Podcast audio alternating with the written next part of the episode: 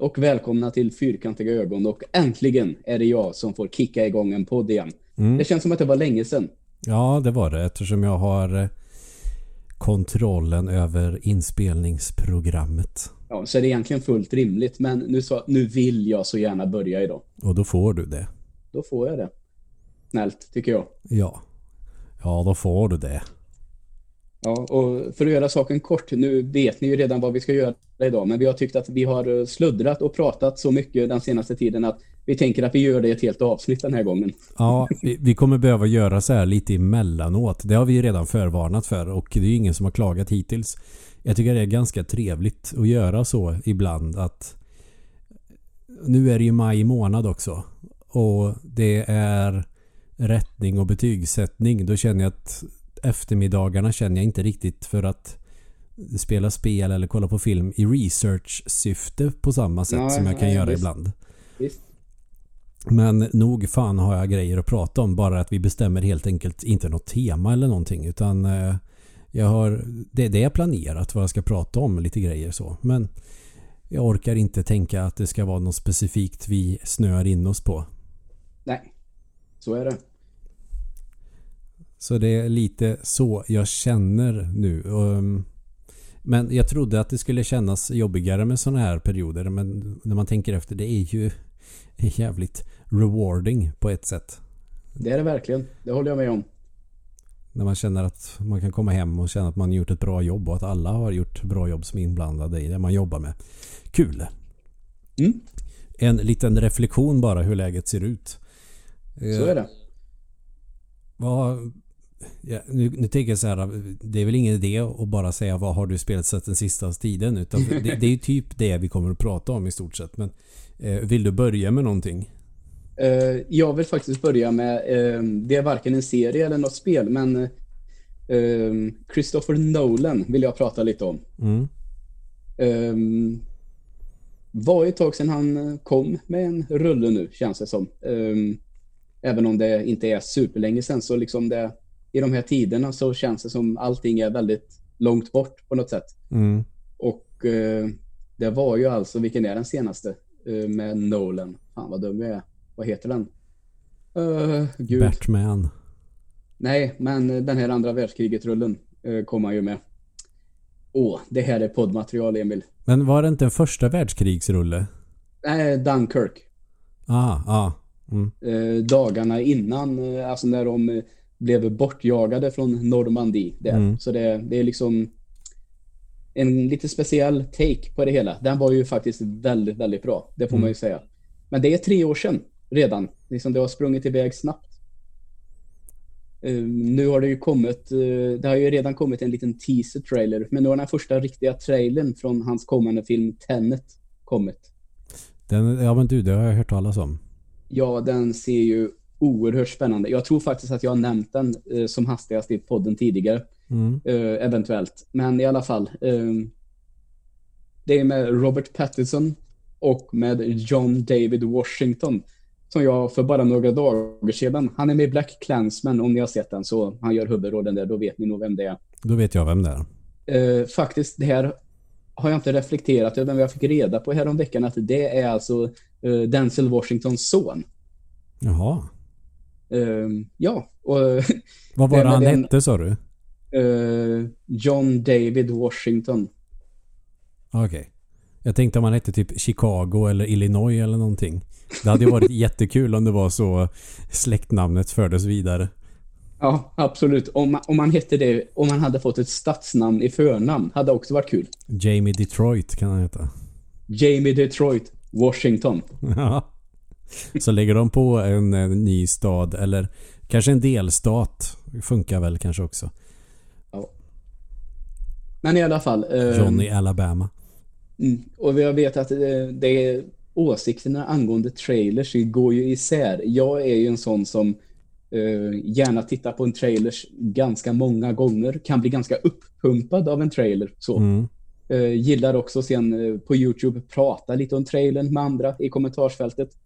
Och det går ju till och med så långt att jag, jag till och med tycker det är kul att kolla på människor som reagerar på en trailer. Det, vet, det är fan gränsen till perverst. Ja, det är ju oerhört speciellt att man har... Det finns så mycket kultur. Mm. Att man nu till och med tycker att det är kul att titta på människor som tittar på kultur. Alltså då har det ju gått bra långt. Det inser jag ju också. Men alltså det är som det är. Men jag um, missunnar inte det eftersom det är ett genuint intresse du har. Det är bara mm. jag som är oförstående som tycker att det kan te sig en mm. aning perverst att göra det. Uh, man skulle väl kunna säga så här att uh, om en person ser en trailer och sen efter trailern säger hej då, mm. då tycker jag inte det är speciellt roligt. Utan det jag tycker är kul, det är kanske inte själva reaktionen i sig, utan det är diskussionen som kan komma efteråt. Mm. Så här tycker jag. Då ja, det är en jag, sak. Då tycker jag att de är allra, allra bäst. Men alltjämt så är det ju en reaction, en, ja, reaction video. Men det, det är diskussionen som är det roliga. Det är inte som att kolla på de här reaction-videos till Two Girls One Cup när folk nästan spyr på sin dator när de ser ja, det här. Nej, det är inte det jag är ute efter. Nej. Däremot så kan jag ju tycka att det är, kan ju vara roligt när folk blir förbannade ibland. Om de blir det genuint så att det inte är en karaktär som blir förbannad som liksom ska vara arg på trailers. Men mm. även när man ser att jag tycker att det är på något vis lite fint ifall någon liksom man ser att den här personen har längtat så efter den här filmen och får äntligen se trailern och liksom det kan jag tycka är lite kul ibland mm. faktiskt. Uh, men åter till den här Tenet då. Det som är speciellt med Nolans filmer det är att man vet ju nästan inte vad det är de ska handla om mer än i stora drag innan man har sett filmen. Mm. Och han är också väldigt, väldigt bra på att göra trailers som nästan bara skapar mer frågor. Jag pratade nämligen om den med Jimmy idag när jag hade sett den och sa, ja men det är någonting med tidsresor eller? Jag bara, ja, det trodde jag också att det var, men det verkar vara, ja tid har ju betydelse i alla fall, men sen spola tillbaka tiden eller dyka upp där människor har spolat tillbaka tiden och ja, ja, det har någonting med tid att göra. Antingen att kunna se tiden innan den händer eller spola tillbaka. Ja, något sånt. Mm. Men då i så fall uppfattar jag liksom tänkte jag att du kommer till ett rum och ser kulhål i väggen. Mm. Så kan du dra ut kulan i väggen genom att spola tillbaka tiden. Men det är bara för själva kulan som tiden spolas tillbaka. Mm. Det är liksom inte så att allt påverkas. Något sånt är det tror jag. Okej. Okay. Men den ser ju väldigt, väldigt bra ut. Kul koncept ändå. Och eh, jag tycker att det, det man hör av soundtracket verkar vara så där härligt. Jag vet inte, när man har råkat få igång en sån här, du vet, uh, översättning för hörselskadade på engelska. Ifall det inte finns svensk text så tycker jag ibland mm. om att ha engelsk text i alla fall. Mm. Men då översätter de allting och då brukar det stå eerie music. Om med risk för reservation för uttal då. Lite sånt soundtrack verkar det vara. Jag tror det är det bästa uttalet du har gjort till ett engelskt ord någon gång. Är det sant? Ja. Hur uttalas det? Så som du sa. Ja, vad bra. Men det är en jävla märklig stavning tycker jag nämligen. Så det, mm. men och jag vet exakt inte vad det betyder, men jag vet direkt hur det låter. Förstår du hur jag menar? Jag ja. vet inte vad jag skulle säga på svenska. Det är kul också att man har det i sån här äh, textning för synskadade. Att det är någonting som är så jävulst subjektivt som vad som är läskig musik eller inte. Ändå står det, det här är läskig musik. Det här är ledsen musik. Det här är glad ja, musik. Precis. Det här är ja. bra musik precis som personen som ser på det hör så jävla dåligt men uppfattar ändå att det är någonting. Vad är det jag hör nu? Tror du, ja, det... tror du Carl Hårding skriver vad det är för typ av musik utifrån hur han själv upplever den när han skriver text till sådana där grejer? Det tror jag Carl Hårding skulle aldrig göra så. Han är alldeles för professionell ja. för att gå i den fällan. Det känns så sjukt smalt att dra en textöversättare i podden som om han vore typ hur känd och självklar som helst. ja.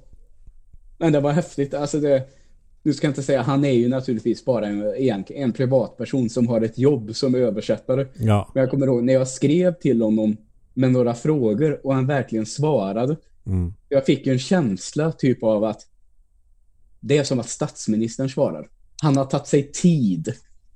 Tänk om han kände, åh vad kul att det är någon som uppskattar det jag lägger så jävulst många timmar på att göra. Ja men det, det får man ändå säga. Jag tror ju ändå att han uppskattar att någon hörde av sig. Ja, jag skulle ju bli superglad. Och i helvetens namn, jag vet med film och sånt där, det finns så jävla mycket nördar. Så det skulle inte förvåna mig om det där har hänt tidigare. Jag tror inte att det är första gången någon hör av sig, faktiskt. Nej, någon eh, tokstolle som du och jag finns det ju mer av. Garanterat. Och kanske till och med de börjar snart bli fler än normalt folk. Det är det som är lite tråkigt. det, det, det, alltså coolheten i att vara nördig har ju ballat ur sedan länge.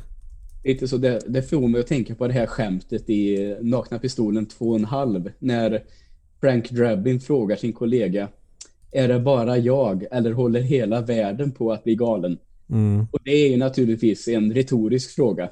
Är, han vill inte ha ett svar på det, men hans kollega svarar ju ah, nej, nej, du kan vara lugn. Det är bara en liten procent av befolkningen. det fick mig att tänka på en annan översättare. Jag vet inte exakt vad det är som är grejen. Men en översättare som har blivit känd. Jag vet inte om det är så för att han har satt sin egen prägel på de här grejerna som han har översatt. Men det är ju Ted Woolsey som har, gjort, som har översatt eh, Final Fantasy 6 och Chrono Trigger och eh, Secret of Mana de här spelen. Ah, okay. Not Breath of Fire, typ trean eller någonting tror jag han har översatt mm -hmm. också. Han är också sån här nästan i vissa kretsar legendarstatus. Ja, okej. Okay. Men sen har jag inte riktigt fått begrepp om om man ska säga känd eller ökänd. Nej, nej, okej. Okay. man är också en sån där ett sånt där märkligt fall när folk vet vem det är och ja, jag vet inte vad, vad fan grejen är riktigt. Men jag googlade nu. Han har ju en jäkla praktfull mustasch i alla fall. Ja, ja. Han ser ut som du vet såna här äh, amerikaner som är med i 90-tals eh, brandman slash polis slash ambulans eh, serier. Såna här ja. reality tv-serier. Typ, mm. typ Cops är väl sånt. Då är det alltid någon gubbe med mustasch med. En sån ser han ut att vara. Okej. Okay. Ja, det låter härligt faktiskt. Det var bara en Men... sån där grej jag kom att tänka på. Ja, men åter bara det sista med Tenet då. Om du är en person som vanligtvis känner sig, jag vill inte få något förstört med att se en trailer. Den här kan du se utan problem. Du får inte svar på någonting vad det här handlar om. Nej. Det är det ju bli... superbra. Jag Sen är det väl högst oklart när den här filmen kommer att komma. Eh, enligt eh, EMDB så är det eh, EMDB så är det 17 juli. Den har premiär i Sverige. Eh, ställer jag mig högst tveksam till att det kommer att bli då. Men det, vi får väl se. Ja, ja, men det är spännande det här folk som är oroliga för spoilers i trailer. Jag kanske har varit en av dem tidigare och jag har säkert nämnt i podden att jag inte vill kolla för mycket på trailers. Och det är dels för att nej, jag, jag tror nog att jag är ganska ointresserad av trailers om jag inte är på bio. Då tycker jag att det är jävligt spännande. Men jag sitter ju inte och kollar på en trailer på YouTube. Så. Nej. Inte, inte ens så mycket på spel om det inte är gameplay som, eh, som intresserar mig. Eh, och eh, det, så var det ju nu med en gameplay-trailer till vad PS5 skulle klara av. Så jag har ju förbokat en sån nu. Ja. Eh, ryktas ju ihärdiga rykten nu om onsdag nästa vecka att det är då Sony kommer med sin reveal. Mm. Väldigt mycket mer om konsolen. Säkert utseendet dock på konsolen och eh, även visst, eh, vissa spel kan upp, visas upp också. Så och nu börjar det bli så här, det har ju hetat 3 juni väldigt, väldigt länge. Men nu är det lite fler källor på det. Och det, mm. så det brukar ju alltid tyda på någonting. Det vet man ju. Ja, visst är det så. Mm. Men jag säger bara, alltså jag tycker Sony är så jävla skickliga på marknadsföring, tycker mm. jag. Hur de liksom börjar och hinta lite. Och nu tror jag säkert vi får säkert ingen officiellt uttalande innan måndag. Det har jag svårt att tro. Jag tror att de vill vara så tätt på det bara går nu, helt enkelt. Men de lär väl vara störst i konsolbranschen? Ja, eh, framförallt så tycker jag också så här. Det var den här eh, som vi pratade om för ett par, tre veckor sedan när Xbox hade ett litet event. Mm. Um, som jag tror det var på en torsdag för vi spelade in fredag och jag mm. ville följa detta. Men då dagen innan så släpper ju Sony en ny trailer på Last of Us Part 2 och det liksom skapar mycket hype in till, in, inför det mm. förstås. Och sen så blir ju Microsoft ganska hårt sågade för den här presskonferensen som hade liksom lovat mycket. Och så ser man några kommentarer. Se vad Sony gjorde igår. Det var mm. mycket bättre. Och jag, jag, tror inte att det där är en slump. Helt det är enkelt. klart som fan inte är. Det är, det är ju, de hade ju lika gärna kunnat skriva på klippet Hej allihopa, nu ska vi släppa en trailer på Last of Us 2 för att vi vill sabba för Microsoft. Ja, det var ju precis som eh, när de här konsolerna utannonserades. Eh, den som är nuvarande och snart dåvarande generationen med mm. PS4 och Xbox One. Eh, när Xbox de satsade mycket på det här. Det här ska vara en hubb, det ska vara ett mediacenter. Du ska kunna titta på tv via den, du kan styra den med rösten. Pratade väldigt lite om spel. Folk var vansinniga. Och det kom såna här videos att du kan inte låna spel. Begagnat handeln kommer inte att finnas för du kan inte låna en kompis spel och testa. Kinect och kommer att kolla så att det är du som sitter i soffan när du ska spela ja. det här spelet. Mm. Och sen så dagen efter så är det Sonys presskonferens. Och det första som dyker upp i gigantiska jävla bokstäver det är Playstation 4. This is for the players. Ja. och sen de här två japanerna som stod så där som kom in och pratade lite så här knacklig engelska. Hello, how can I borrow your game on PS4? Och de höll upp ett spel så här. Just like this. Och gav över. Ja, det är så jävla snyggt. Men eh, Sony var bra redan tidigt med det där vet du. När eh, Sega gick ut...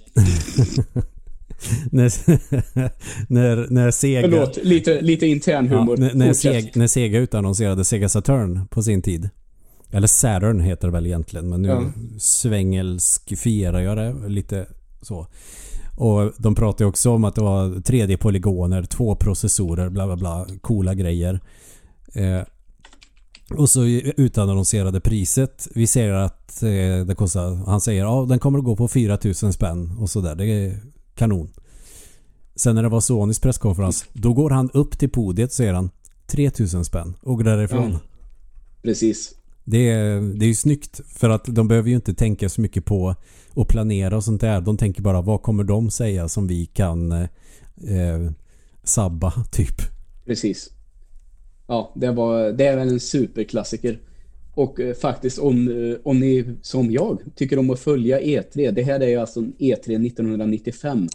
Och gå in och kolla på hur E3 såg ut då kontra mm. hur det ser ut nu så har det skett en enorm utveckling där faktiskt. Ja, det kan man väl lugnt säga att det har. Samtidigt som det känns som att E3 blir mer och mer irrelevant. Uh, ja, um, det tycker jag faktiskt är uh, lite synd. Uh, får jag ändå säga. Alltså jag, jag gillar ju det här när det är en presskonferens. Så jag tycker allt som oftast så är de faktiskt väldigt, väldigt duktiga. De som håller i det. Med några mm. undantag. Um, så att som här i, om det var igår eller i förrgår så var det ju ett State of Play som Playstation kallar sitt Nintendo Direct. Mm. Och liksom det, det är rakt på. Det är liksom, nu ska vi titta på Last of Us. Vi har jobbat med det här. Men jag gillar att ha en person på scenen som liksom står och kan och man hör publiken är laddad som fan. Mm. Så att det där skulle försvinna helt. Det skulle jag nog faktiskt tycka är lite synd. Men Även det... om jag förstår att eh, det är att liksom streama sådana här nyheter lite då och då under hela året. Snarare än en, till en exklusiv publik på, i Los Angeles en gång om året. Ja. Alltså jag fattar också att det där kommer att försvinna antagligen. Och så får man brottas med tid mellan EA och Activision. Ja. Som har ta, mer eller mindre tagit över hela den kommersiella marknaden. Så jag fattar ju att då blir det inte så jävla kul med E3 kanske. Mm.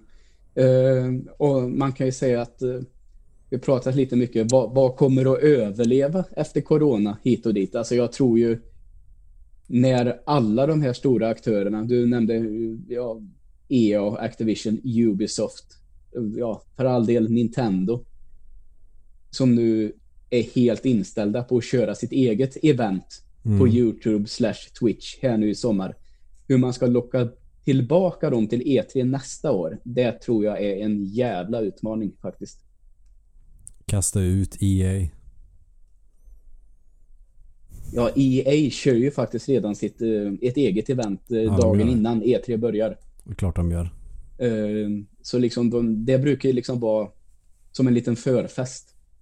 Och eh, jag sa att eh, de flesta är väldigt, väldigt bra med några undantag. Ett av de undantagen är väl just EA. Eh, e som av någon anledning inte väljer att slänga fram en person som kan någonting utan de brukar ju bjuda in influencers som håller i deras eh, lilla event. Det har väl funkat sådär kan ja, jag väl säga. Influencers är ju skitbra på att sitta och snacka framför en kamera och ösa på liksom och så kanske man luras av att jäklar vilken karisma den där snubben har. Mm. Och så visar det sig att när den ska stå inför ett x antal tusen personer så blir det ju så jävulst pajigt. Det var ju någon influencer som skulle presentera, jag vet inte vad det var, men det var något racingspel tror jag. Mm. Och eh, han hade ju noll intervjuteknik. Ja, eh, så kan det ju vara. Råkade bara vara känd och är duktig på att snacka framför sin mobiltelefonkamera. Mm. Men och när det väl kommer som, till att intervjua så var han ju urusel. Mm. Och precis som det du är inne på, eh, vi får säga att det är oerhört imponerande hur de kan vara så bra på att sitta och streama och snacka in i en skärm. Det ska man ju absolut inte ta ifrån dem. Nej, verkligen Men inte. Men att hålla i en sån stor, nästan, nästan en gala, det blir en helt annan grej. Ja. De har inte varit riktigt påläst alla gånger och sådär och det lyser igenom så tydligt. För att Nej. använda ett uttryck, det har några gånger med EA blivit väldigt cringe. Alla kan inte vara lika coola som Gina Diravi, helt enkelt. Nej, exakt. För henne skulle man nog fan med kunna droppa ner var som helst. Tror jag. Ja, hon är ju svinbra på att prata inför folk.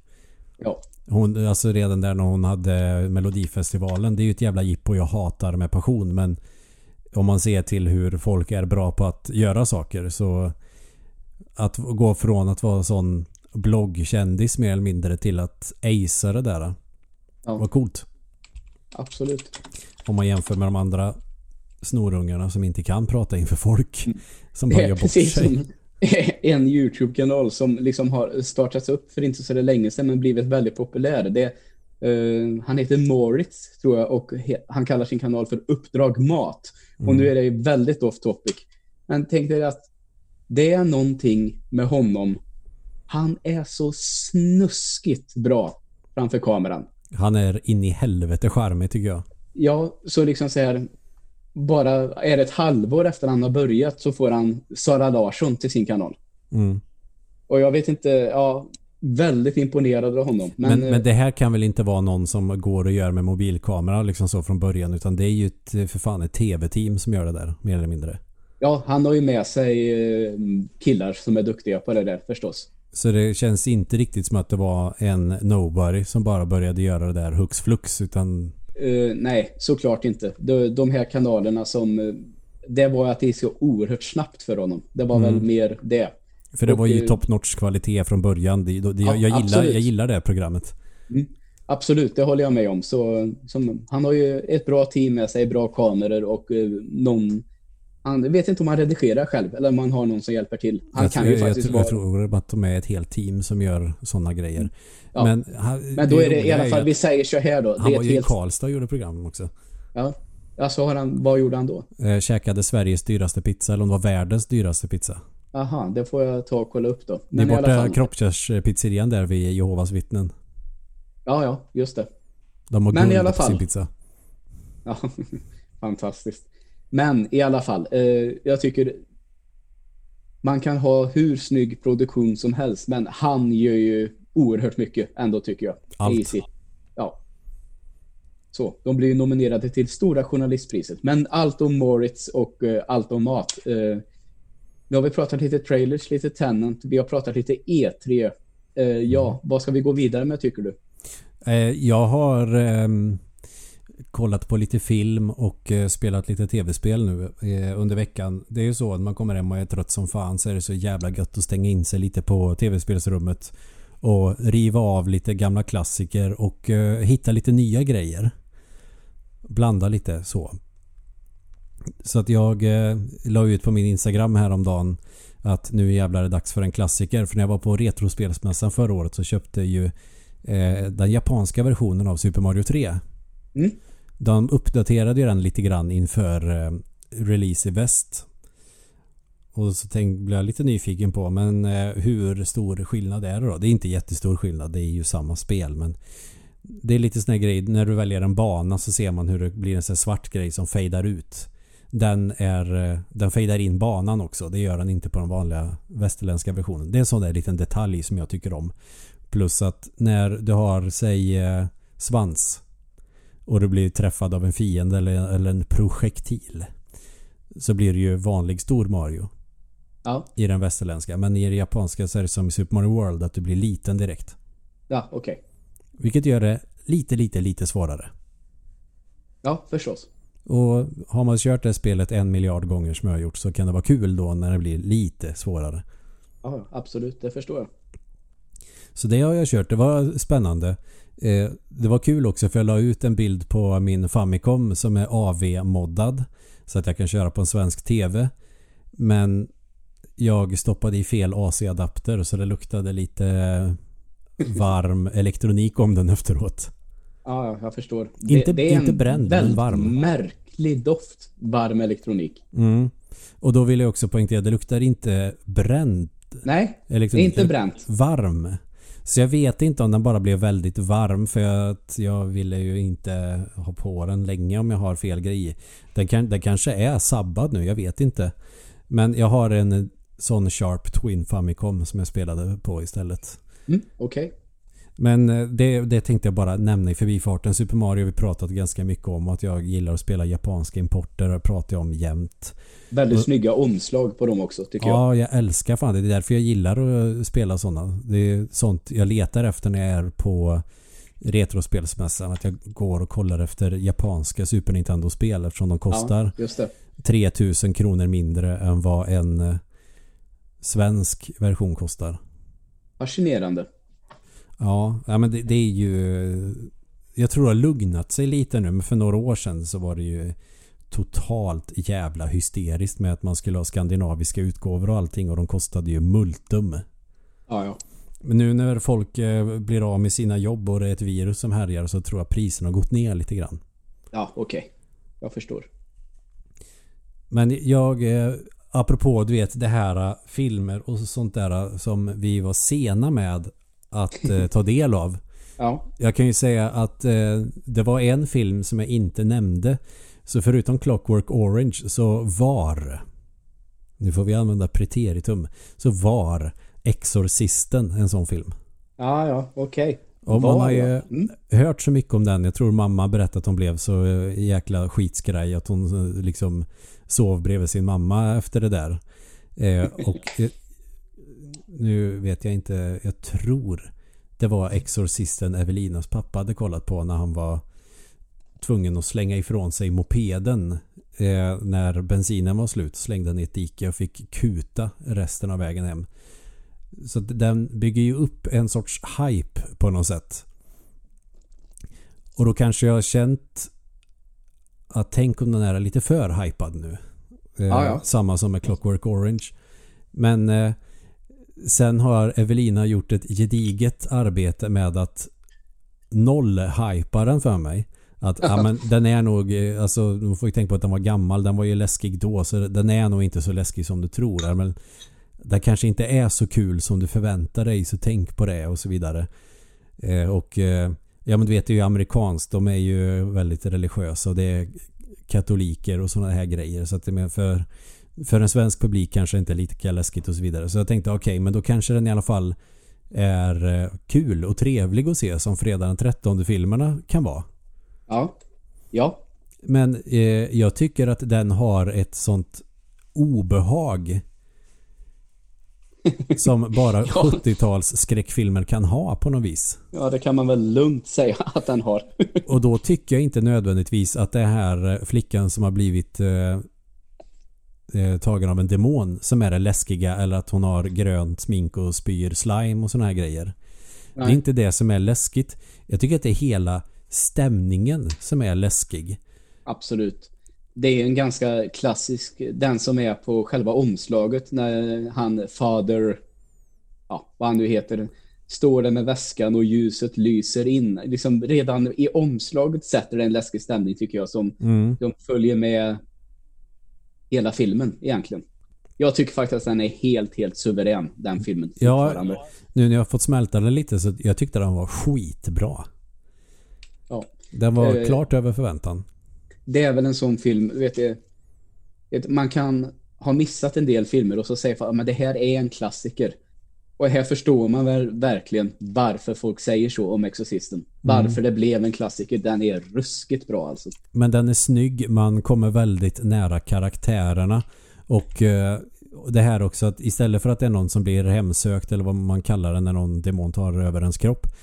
Att de ändå är på sjukhus, de gör psykologiska undersökningar, de gör hjärnröntgen och allt möjligt. Bara, ja men det Aha. är nog någon form av störning. Alltså det här eh, letande efter vetenskap, vilket också får mig att tänka, ja just det, amerikaner är ju eh, de är ju religiösa utav helvete så att de vill på något sätt bärsa psykologin och ändå på något sätt visa att eh, Gud är bättre och viktigare. Jag vet inte, eller eh, så försöker man bara få med det för att det ska kännas så trovärdigt som möjligt att det ska vara det absolut sista utvägen är att kontakta en präst som kan genomföra en exorcism. Mm -hmm. Så Just de bygger det. ju upp hela filmen på ett jävla härligt och bra sätt. Verkligen. För det är väl typ sista halvtimmen eller någonting som det är själva exorcismen sker. Ja, det är, ja absolut. Och det är sånt jag kan uppskatta med äldre filmer och sånt om jämfört med nya filmer. För då ska allting hända på en enda jävla gång. ja, ja, visst. Och det ska hända jävligt mycket hela tiden. Och det tycker jag väldigt mycket om. Men jag uppskattar också att man tar sig tid att bygga upp skiten. Ja, ja. Jag håller med. Jag håller med. Att det tar lång tid innan man når klimax, så att säga. Mm. Eh, ganska ovanligt idag, eh, mm. faktiskt. Så. Uh, en senare film som faktiskt gjorde det ganska bra, det var den jag pratade om, uh, Invisible Man. Mm. Den tog sig också tid att bygga upp både karaktärer och story långsamt, långsamt innan den verkligen satte fart. Mm. Så det är uh, lite samma grej där faktiskt. Så det, det förekommer fortfarande, tack och lov. Sen man har ju hört mycket och sett referenser till de här scenerna mycket med att hon vrider huvudet och såna här grejer. Som är någon form av eh, sätt att häckla han som eh, flög ut genom fönstret första gången och bröt nacken i trappan där. eh, ja. Men man, man, har hört det här att hon onanerar med ett krucifix. Ja. Jag skulle säga hon fucking stabbar sitt underliv med det krucifixet. Det är rätt brutalt alltså. Ja, det, det är sjukt brutalt. Ja, det kan man väl lugnt säga. Att det gör. Så om man då tänker kristet, amerikanskt och 70-tal. Då fattar jag att den filmen eh, fick folk att tappa hakan fullständigt. Ja, absolut. Det tålas att betänkas. Mm. Och en 12 en, en 12-årings kropp som skriker till folk och knulla henne är också fruktansvärt grovt. ja. Ja, så det var Exorcisten. Du har äntligen sett den då. Mm. Perfekt ju. Ja, men jag tyckte den var skitbra. Eh, så att eh, den förtjänar sin klassikerstatus helt klart. Mm. Det är ju inget snack om eh, saken. Han som gjorde den, han heter väl William Redkin, Friedkin, något sånt där. Mm. Han har även gjort en film som heter French Connection som jag också tycker är väldigt, väldigt bra. Som kom några år tidigare tror jag. Mm. Så den kan du se också. Det han har en viss stil i sina filmer, även det är två vilt skilda uh, genrer förstås. Men Gene Hackman är en väldigt bra roll kan jag säga i alla fall. Mm. Har Så. du sett Exorcisten 2? Det känns ju som att den kan vara en eh, riktig jävla kalkonrulle. Jag har faktiskt sett alla exorcisterna, det är om det är fyra eller om det är fem. Jag vet inte riktigt, men eh, jag tycker att det kom ju några uppföljare där som är inte är speciellt bra, kan man väl säga. Mm. Men sen så tycker jag att den som heter Exorcist, The Exorcist The Beginning, den tyckte jag var helt okej okay, faktiskt. Okej. Okay. Uh, den såg jag med två polare och då är det en scen där uh, ja, det är väl någon form av mm, demon eller satan som liksom drar ner en person i ett hål. Mm. Och uh, då springer den andra personen därifrån gallskrikandes. Och då sa en av dem jag tittade på henne med, Mäh, går hon bara? Och då sa person nummer två, du, om vi är ute på promenad och satan drar ner mig i ett hål så är det helt okej okay att du drar. ja, när överlevnadsinstinkten kickar in, då tror jag också att när man ser att någon blir neddragen av en demon i eh, avgrunden då tänker man inte, åh nej, jag måste hjälpa honom. Nej, då drar man utav helvete därifrån. Absolut, är det så.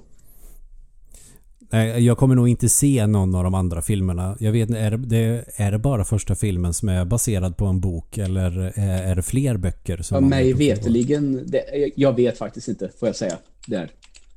Uh, väldigt osäker. Men boken kommer jag nog inte ta mig an. Det känns Nej. som att om filmen ändå eh, ändå tar sig sin tid innan det händer någonting så känns det som att boken kan nog ta en jävla tid innan det händer någonting. Ja. Jag kollade lite snabbt. Det är fem filmer det finns. Jag bara var, kände att jag var tvungen att ta mm. en titt. Bra. Nej, men trevlig film i alla fall. Ja. Eh, har ett obehag men jag tycker inte att det är själva demoneriet som är det otäcka utan jag tycker att det är eh, jag vet inte om det är 70-talsstämningen överlag som gör att det blir lite jobbigt obagligt på ett väldigt bra sätt. Mm. Ja, just det. Omen har ju samma tycker jag på något sätt. Ja, absolut. Det är en annan sån klassiker som uh, lite samma typ av stil tycker jag ändå. Ja, De spelar det... mycket på det här obehaget. Uh, så. Mm. Jag tror att jag eh, såg Omen och Exorcisten eh, samma sommar första gången. Så jag sa för några veckor sedan när SVT körde skräcksommar varje tisdag, torsdag eller vad det var så visade de en klassiker. Mm. Och det är mitt eh, stora intresse för skräckfilm startade. Men det har vi varit inne på förut. Ja. För en vecka sedan typ. det, det hoppar vi nu. Det kan vi hoppa. Har du någonting mer kul att bidra med? Jag kan väl bara nämna lite snabbt då. När det är så här att jag ville ju se en serie som heter Fleabag som jag pratade om på eh, Amazon Prime.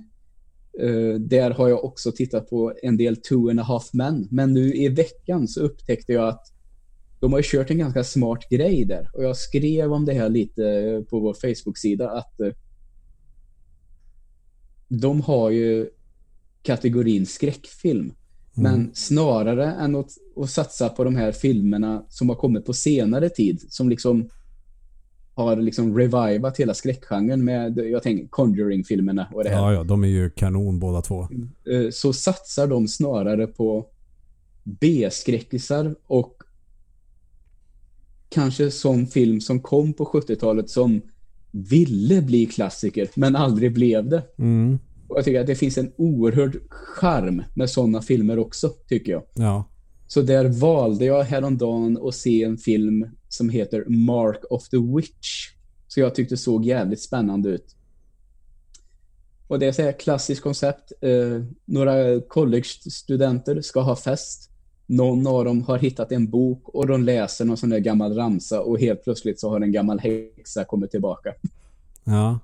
Eh, kan väl säga, den var inte speciellt bra. Men jag tycker ändå, när, när man, som jag, jag tycker, jag gillar ju verkligen film. Mm. Och jag tycker att det fanns en sån, sån här härlig, liksom, underground, alltså det fanns en sån, man märker att personerna som gjorde den här filmen, de har verkligen, verkligen försökt att få till sin dröm med den här filmen. Som med uh, Bad Taste och uh, Evil Dead kanske? Ja, varför inte? Eh, så. Liksom, de har haft en ganska tydlig tanke med vad de vill göra och hur det ska göras. Var faktiskt ganska snygga effekter med liksom eld som flammar upp eh, framför personer och sådär. Och några scener eh, där den här häxan eh, liksom tar över folks sinnen med olika sådana här trolldrycker och sånt som faktiskt var lite creepy. Men tyvärr så den räcker ju absolut inte fram till ett godkänt. Det gör den ju inte. Men ändå oerhört, oerhört rolig att se på ett helt annat sätt. Är det någonting som jag saknar nu i eh, skräckgenren så är det en riktigt jävla bra slasher. Ja, det känns som att det var några år sedan nu va? Typ första Scream, om, om vi ska säga riktigt bra. Ja. ja Scream, det tycker jag är hela den... De, de håller allihop eh, så. Men det som du säger, den första är ju riktigt bra. Scream är ju för sig spoof slash hyllning till slasher-genren. Ja, men jag men skulle det, vilja se en riktigt, en helt... bra slasher. Det här har vi väl pratat om. Vi har väl haft mm. ett Scream-avsnitt tror jag. Ja, det har vi. Uh, och konstaterat att uh, det var väl den perfekta vägen att ta just då. Mm. Vi har tagit det här hela varvet runt. Vad gör vi nu? Ja, vi driver med det. Men gör ändå en seriös film. På något sätt. Mm. Och att det dessutom är människor och inte något... Uh halv, övernaturligt väsen. Ja, halvövernaturligt. Sen såg jag ju den eh, riktiga uppföljaren till första Halloween i och för sig. Mm. Eh, men det var inte en riktigt bra slasher. Den var Nej. trevlig. Mm. Ja, det, kan jag väl hålla med om. Ja, det behöver vi nu igen. Och man vet sånt det kommer alltid tillbaka. Det, ja, vi, är snart, vi är snart där. Jag tror att jag har sett någon information om till exempel att eh, det är både fyra, fem eller fem och sex eh, i ordningen Scream på gång. Lite sådär ryktas det om. Så, Fast jag vill inte ha Scream. Jag vill ha en riktigt bra slasher. Någonting nytt. Ja, okej. Okay. In, Inte ny köpa. Scream, inte ny Halloween, inte ny Fredag den 13. Jag vill ha något eh, original som kan bli en klassiker som håller i 10-20 ja, år. Eh, fan, nu tappar jag ju tråden totalt. Men några filmer som jag verkligen tycker att du ska titta upp då i alla fall. It Follows de... var ju nära men eh, mm. inte riktigt där. Eh, men det är någonting som, då tycker jag faktiskt att du ska kolla upp filmerna. Även om de här också drar lite åt komedi då, mm. bör tilläggas. Så ska du faktiskt titta på de två filmerna Happy Death Day och Happy Death Day to You. Okej. Okay. Uh, när jag såg trailers så tyckte jag att vad fan är det här? Mm. Men jag, jag, har sett båda två ett par gånger nu. Jag tycker att de är skitbra faktiskt. En bra slasherfilm med kreativa dödsscener vill jag säga. Ja, och tänk det här då är kanske dra lite åt att vara jag tror att inte det svenska uttrycket svart komedi, men på engelska black comedy, alltså att det är väl lite pajigt, men gjort med sån jävla charm, de här två filmerna. Så det, Ja men det, det har jag ingenting emot. Så länge det är en bra slasher, en, mm.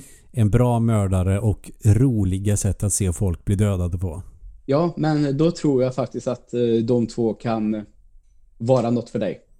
Jag hade ju, alltså jag skulle verkligen vilja se eh, Fredag den 13 filmerna så som alltså som en director's cut. Alltså de scenerna som de inte bara klippte sönder där man ser en kniv flyga och så ser man att någon dör off camera. Nej, eh, och sen efteråt så ser man att någon ligger blodig på backen. För det finns ju jättemycket sånt eh, material som de har filmat när det är detalj. När ja, knivar exakt. och fanskap liksom penetrerar kroppen mer eller mindre och det är mm. blodigt som de fan. De är ju extremt mycket klippta, de filmerna, ska man veta. Mm. Jag vill ha kommer... detalj. Ja, jag vill ha, jag, inte, jag, kanske inte guinea pig-klass men men nästan. Ja, nej, jag håller med. Det är vad jag vill se.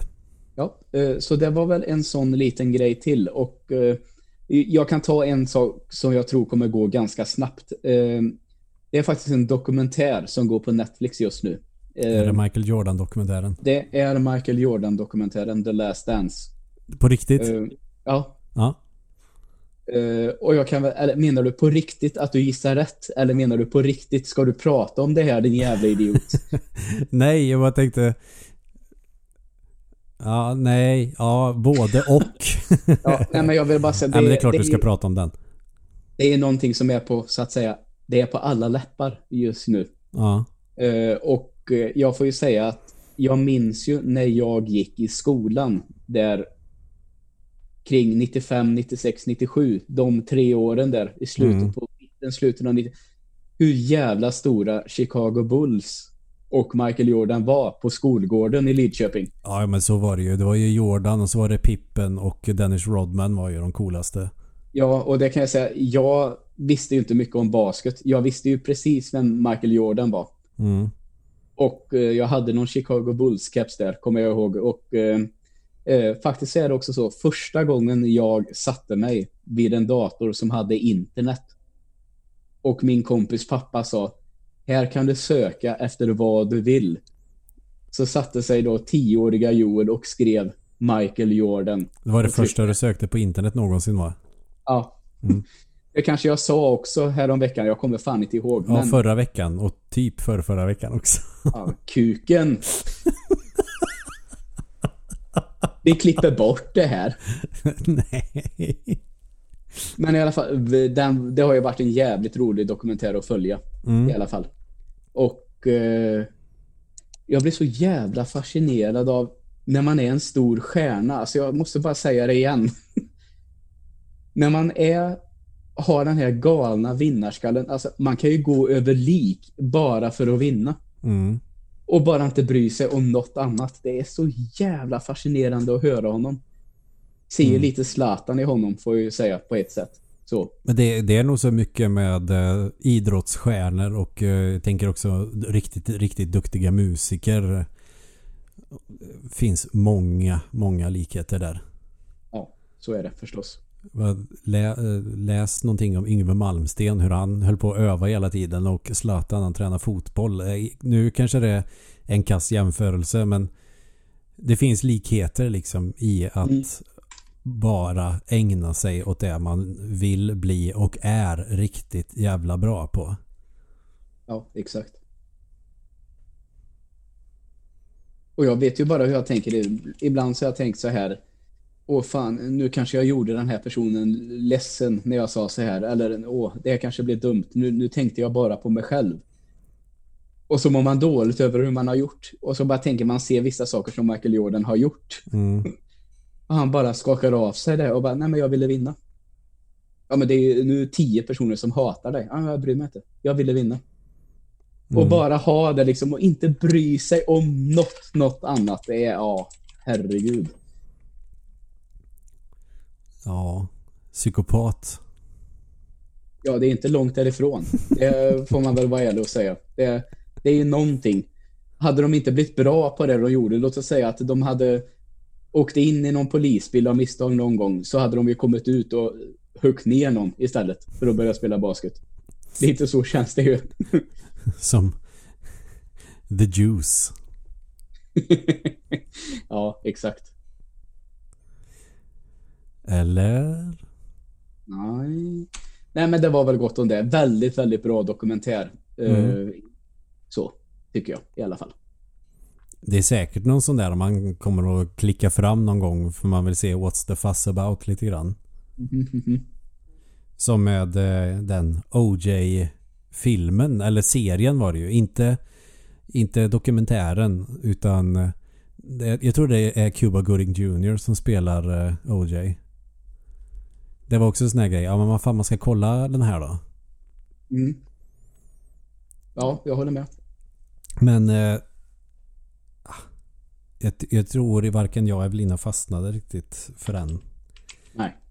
Det har säkert potential men kände väl lite att nej, det var nog inte riktigt det här vi ville se just nu. Nej, jag förstår. Man får väl ta det eh. någon annan gång kanske. Ja, absolut. Så är det. Jag såg en film igår. Som jag egentligen har använt i undervisningssyfte och det är ju en väldigt tacksam film att ha i undervisningssyfte när man undervisar i svenska. Men säkert i andra änden också. Jag kan tänka mig att det är en bra historia. Men jag blev... Eh, Fan vad jag hoppas att du ska säga nu Deepwater Horizon. Den här oljeborrningsfilmen. Uh, nej. nej, alltså det är sameblod. Ja. För den har jag inte sett förut. Men jag tänkte liksom att ja men nu har vi pratat om eh, språksituationen i Norden i Svenska 2. Ja men det är många som använder den i undervisningen och man pratar ju om minoritetsspråk så vad fan då får vi väl ta den då. Men då måste jag ju se den själv också. Men den är faktiskt väldigt bra. Ja den var riktigt bra. Mm. Jag var inte med på det. Alltså man tänker ju att svensk film har ju sin lajbansitet på ett eller annat sätt jämt tycker jag. Mm. Oavsett om det är en svintung och bra film så finns det alltid något mått av svensk lajbansitet i det. Ja, jag förstår vad du menar. Men det finns det dyker även upp lite guldkorn till det med så jag tror att folk missar lite bara för att man har med sig den där känslan. Ja, men så kan det vara. Men Sameblod hade fan inte ett uns lajbansitet. Nej, det har den verkligen inte. Och eh, jag tänkte att eh, men eh, man, man får se framtidsskildringen av, av den här personen som kommer som ska på en begravning. Det är väl hennes syster som har dött. Hon kommer tillbaka till sina rötter som hon har slitit sig ifrån. Det fattar man ju direkt när man ser då filmen. Eh, mer eller mindre förnekar att hon förstår samiska och så vidare. Och sen är det ju flashback från det när hon sliter sig från sina rötter för att ta sig då till Uppsala och inte bo liksom uppe i eh, Lappland. Och då tänker man ju ändå att man vet ju på ett sätt att ja, det ordnar sig sen i slutet. Men det som jag får är ju en jävligt bitter eftersmak när jag har sett den filmen. Ja. och det är ju så jävla bra. Jag älskar när man vågar göra sånt. Absolut, det håller jag med om. Så... Eh, man borde våga mer i film faktiskt. Ja. Överlag, jag tycker. Speciellt filmer där man vill skildra någonting viktigt och vill säga någonting viktigt. Då tycker jag lite... Jag fattar ju att man... Att många som tittar på film vill ha någonting som gör att man känner sig lite bra i magen i slutet. Men mm. om man vill säga någonting viktigt i en film som jag tycker att som med i Sameblod att man ändå skildrar en sån jävulst viktig del av vår historia. För lite förtryck känner man ju till. Men om man fattar hur jävla vidrigt det var. Förtryck ja. är ju alltid vidrigt men eh, man är ju ganska blind ibland för att se vissa Speciellt om man som vi då är vita män som har hög utbildning så är det väldigt svårt att se förtryck tror jag. Såklart. Nu var jag PK, nu jävlar börjar folk bli förbannade. Mm, får men, vi själv på iTunes-recensionerna igen. Ja, men då får de väl göra det. Men det är ju sant det jag säger. Jag säger inte för att vara PK, jag säger för att det är sant. Och då kan det vara bra att ha en film som ger en rätt bitter eftersmak där man tänker att fy fan, har folk hållit på så? Ja, precis. När man pratar om Sverige som det bästa, mest jämställda och gosig, mysigaste, snällaste välfärdslandet i hela världen. Mm. Och så har vi ändå man vet rent faktamässigt, ja men vi har gjort jävligt dumma saker. Vi har haft slaveri, vi har förtryckt minoriteter i landet men när man ser det och får liksom uppleva det utifrån en karaktär så blir det mer påtagligt. Och det, det blir det verkligen. Då tycker jag att det är en ganska viktig film att se. Precis som med den 12 years a slave. Är också när man känner till att det där har hänt. Men att på något sätt få en upplevelse blir ju mer påtaglig. Även om en film inte kan jämföras med verkligheten. Du fattar vilken idiot som helst. Men när, det, när man får det påtagliga och det gör ont i magen. För 12 years a slave var ju också en sån när man får en lite bitter eftersmak i munnen. Ja, verkligen. Det kan man väl lugnt säga. Alltså det finns ju några sådana riktigt jävla vidriga händelser i den filmen alltså. Mm. Som man, som du säger, kort och gott säga att man har vetat om att självklart är det här vidrigt. Men när du får det så kan nästan säga man får det så grafiskt. Mm. Så blir det väldigt, väldigt påtagligt. Och om man då om man ska nå fram med att säga någonting viktigt då kan man inte sabba skiten med och alla levde lyckliga i alla sina dagar. Det funkar ju liksom inte. Det är ju naivt. Jag tror man behöver lite va åh fy fan vad hemskt. Exakt. Man får ont Visst är det så. Ja, det är Det är så jag tycker i alla fall. Så att Jag man håller borde, med dig. borde våga låta saker gå åt helvete. Om man ska få folk att tänka lite grann.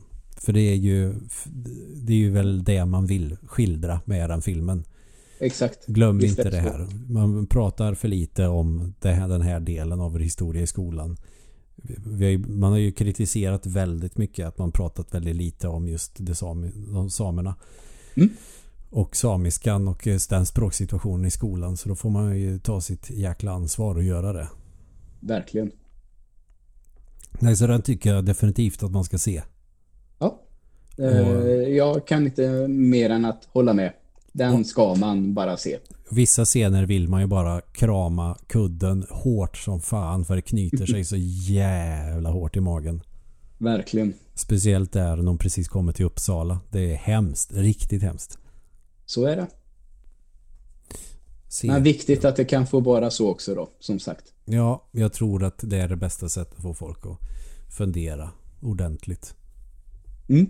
Jag håller med dig. Ja, men det I gick ju allt du säger. Slutet gott, allting gott. Då var det ju värt allt det där skiten. Ungefär så blir det ju annars. Ja. Det var värt att kämpa för det blir bra till slut ändå. Mm. Men det ska man inte behöva alltid. Nej. Ångestfilm är ju sån där grej man borde förkovra sig i någon gång. Någonstans så gillar jag ju det. Ja. Jag också. Ångest och dålig stämning är ju fruktansvärt eh, bra. I film. Mm. Ja, ja, ja. ja. Ångest i seriös film, dålig stämning i komedi. Det gillar jag. Ja. ja, jag är med dig Emil. Utan tvekan. The Office är ju typ bäst i världen på dålig stämning. Ja, fy fan. Alltså det... Apropå det här att knyta sig i magen. Ricky Gervais gör ju det strålande. Han är skitbra på att göra karaktärer som skapar dålig stämning. Ja, det kan man väl lugnt säga. Och att han också i The Office är så... På något sätt som är så tragiskt med David Brent, som han heter. Att jag tror i grund och botten så är det, det är inget ont i honom. Han Nej. är bara så jävla klumpig och korkad i vissa situationer och uttalanden att man tycker lite synd om honom också, tycker jag, på något sätt. Han är ju galet narcissistisk också. Mm. Men det är väldigt fint. Jag kommer ihåg, du och jag tittade på den en gång, den som är The Office Christmas Party, eller julfesten. Ja, ja, den är fantastisk. Det, där får han ju någon form av liten revive nästan. När han äntligen, äntligen säger ifrån Mm. till slut. Och då liksom, det, det, det var vad den karaktären behö, behövde. Det är när han har träffat den här eh, tjejen eh, som han har träffat och så eh, är det hans gamla chef och hans gamla polare Finch då. Så säger de, har, du- har du inte hunden med dig? Och då svarar den andra, men det såg du väl, hon gick ju precis och eh, menar den här kvinnan. Mm. Och så garvar de. Och då säger han, Hey Finch, why don't you just fuck off? och så går han därifrån. Och då blir det så här. Hoppas det aldrig kommer något mer nu. För nu har han liksom... Han har lämnat det där nu på Mm. något sätt. Eh, nu har det ju tyvärr då kommit en film efteråt som jag i och för sig tycker är ganska bra, men lite onödig. Tyvärr. Man vill väl att det ska sluta för karaktären där. Man kan lämna den där. Exakt. Sen var han i filmen tillbaka i samma gamla hjulspår lite. Det kändes lite tråkigt. Mm. Men men, det, jag skrattade åt den också. Vi får se om jag ser den. Ja, han, han släppte ju en platta eh, till den här också. Det, du och jag har lyssnat på några låtar och det är ingenting jag kommer tänka och ta upp här på vad det är han sjunger om. Men det är helt sjukt alltså. Det är väldigt, väldigt roligt. Ja, För att det är så jävla, jävla fel. det och är det ju behövs det. där. Det var som eh, typ 2006 när man eh, letade upp eh, han Steven Lynch, tror jag han heter. Ja. Som... Eh, eh, fan, het, jag, vad, het, jag tror det var Steven Lynch han hette. Vänta lite här nu. För han gjorde ju låtar som heter typ Special Olympics och Special Fred och de här. Det är ju fruktansvärt eh, Steve, Steven Lynch tror jag det finns någon som heter i alla fall. Uh, om det är just han du pratar om, det vet du fan. Jag, jag pratar inte om han som har gjort Eraserhead. Steven Lynch, alltså han spelar gitarr och ja, sjunger. Ja, ja, ja, nej, nej, nej. Men uh, utan det du sa, det, det finns någon som heter så. Mm. Ja, ja, det är Steven Lynch. Jag kollade nu på Google. Han stavar med S-T-E, det är P-H va? Ja. Ja, precis. Det, det tyckte jag ju var kul. Nu känner jag väl lite grann att ja... Jag förstår att det här tyckte jag var kul när jag var liksom 19-20. Mm. Nu skulle jag inte riktigt kunna stå för det på samma sätt. Det som är kul är ju att han börjar garva åt sina egna låttexter. Det är roligt. ja, verkligen. Och att han låtsas ge skenet av att han vet själv att det han säger är hemskt och att han inte riktigt kan stå för det, men det gör han ju naturligtvis.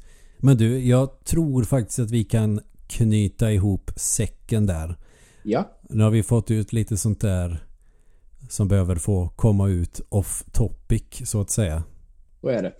Och eh, så har jag inför nästa vecka ett spel som jag har spelat den här veckan som jag vill prata om. Så det, mm. ni får suga på den karamellen lite. Det får ni göra. Enkelt. Jag kommer att spela någonting kanske som jag vill prata om. Ja. Eh, men då kan jag väl säga eh, så här till dig då. Om du inte vet vad du ska spela så spela någonting där man ska lösa pussel. Så kanske vi kan knyta ihop det här som ett litet tema mm. inför nästa vecka. Det låter Om bra. du har den möjligheten. Jo, jag kom på ett spel direkt. Nice. Mm. Ja, då så. Då är det väl inte mer än att som vanligt eh, tacka för att ni än en gång har suttit med oss den här timmen och lyssnat. Det är väldigt, väldigt roligt att ni gör det faktiskt. Mm, det tycker jag också. Och är det så att ni vill eh, ha någon fråga till oss eller säger ta upp det här, prata om det här, då vet ni, då är det lättaste tycker jag fyrkantiga ögon på Facebook helt mm. enkelt. Eller för den delen fyrkantiga nollgång på Instagram. Den finns ju där också. Ja, det gör den. Vi säger så. Det gör vi. Tack så mycket. Hej. Hej då.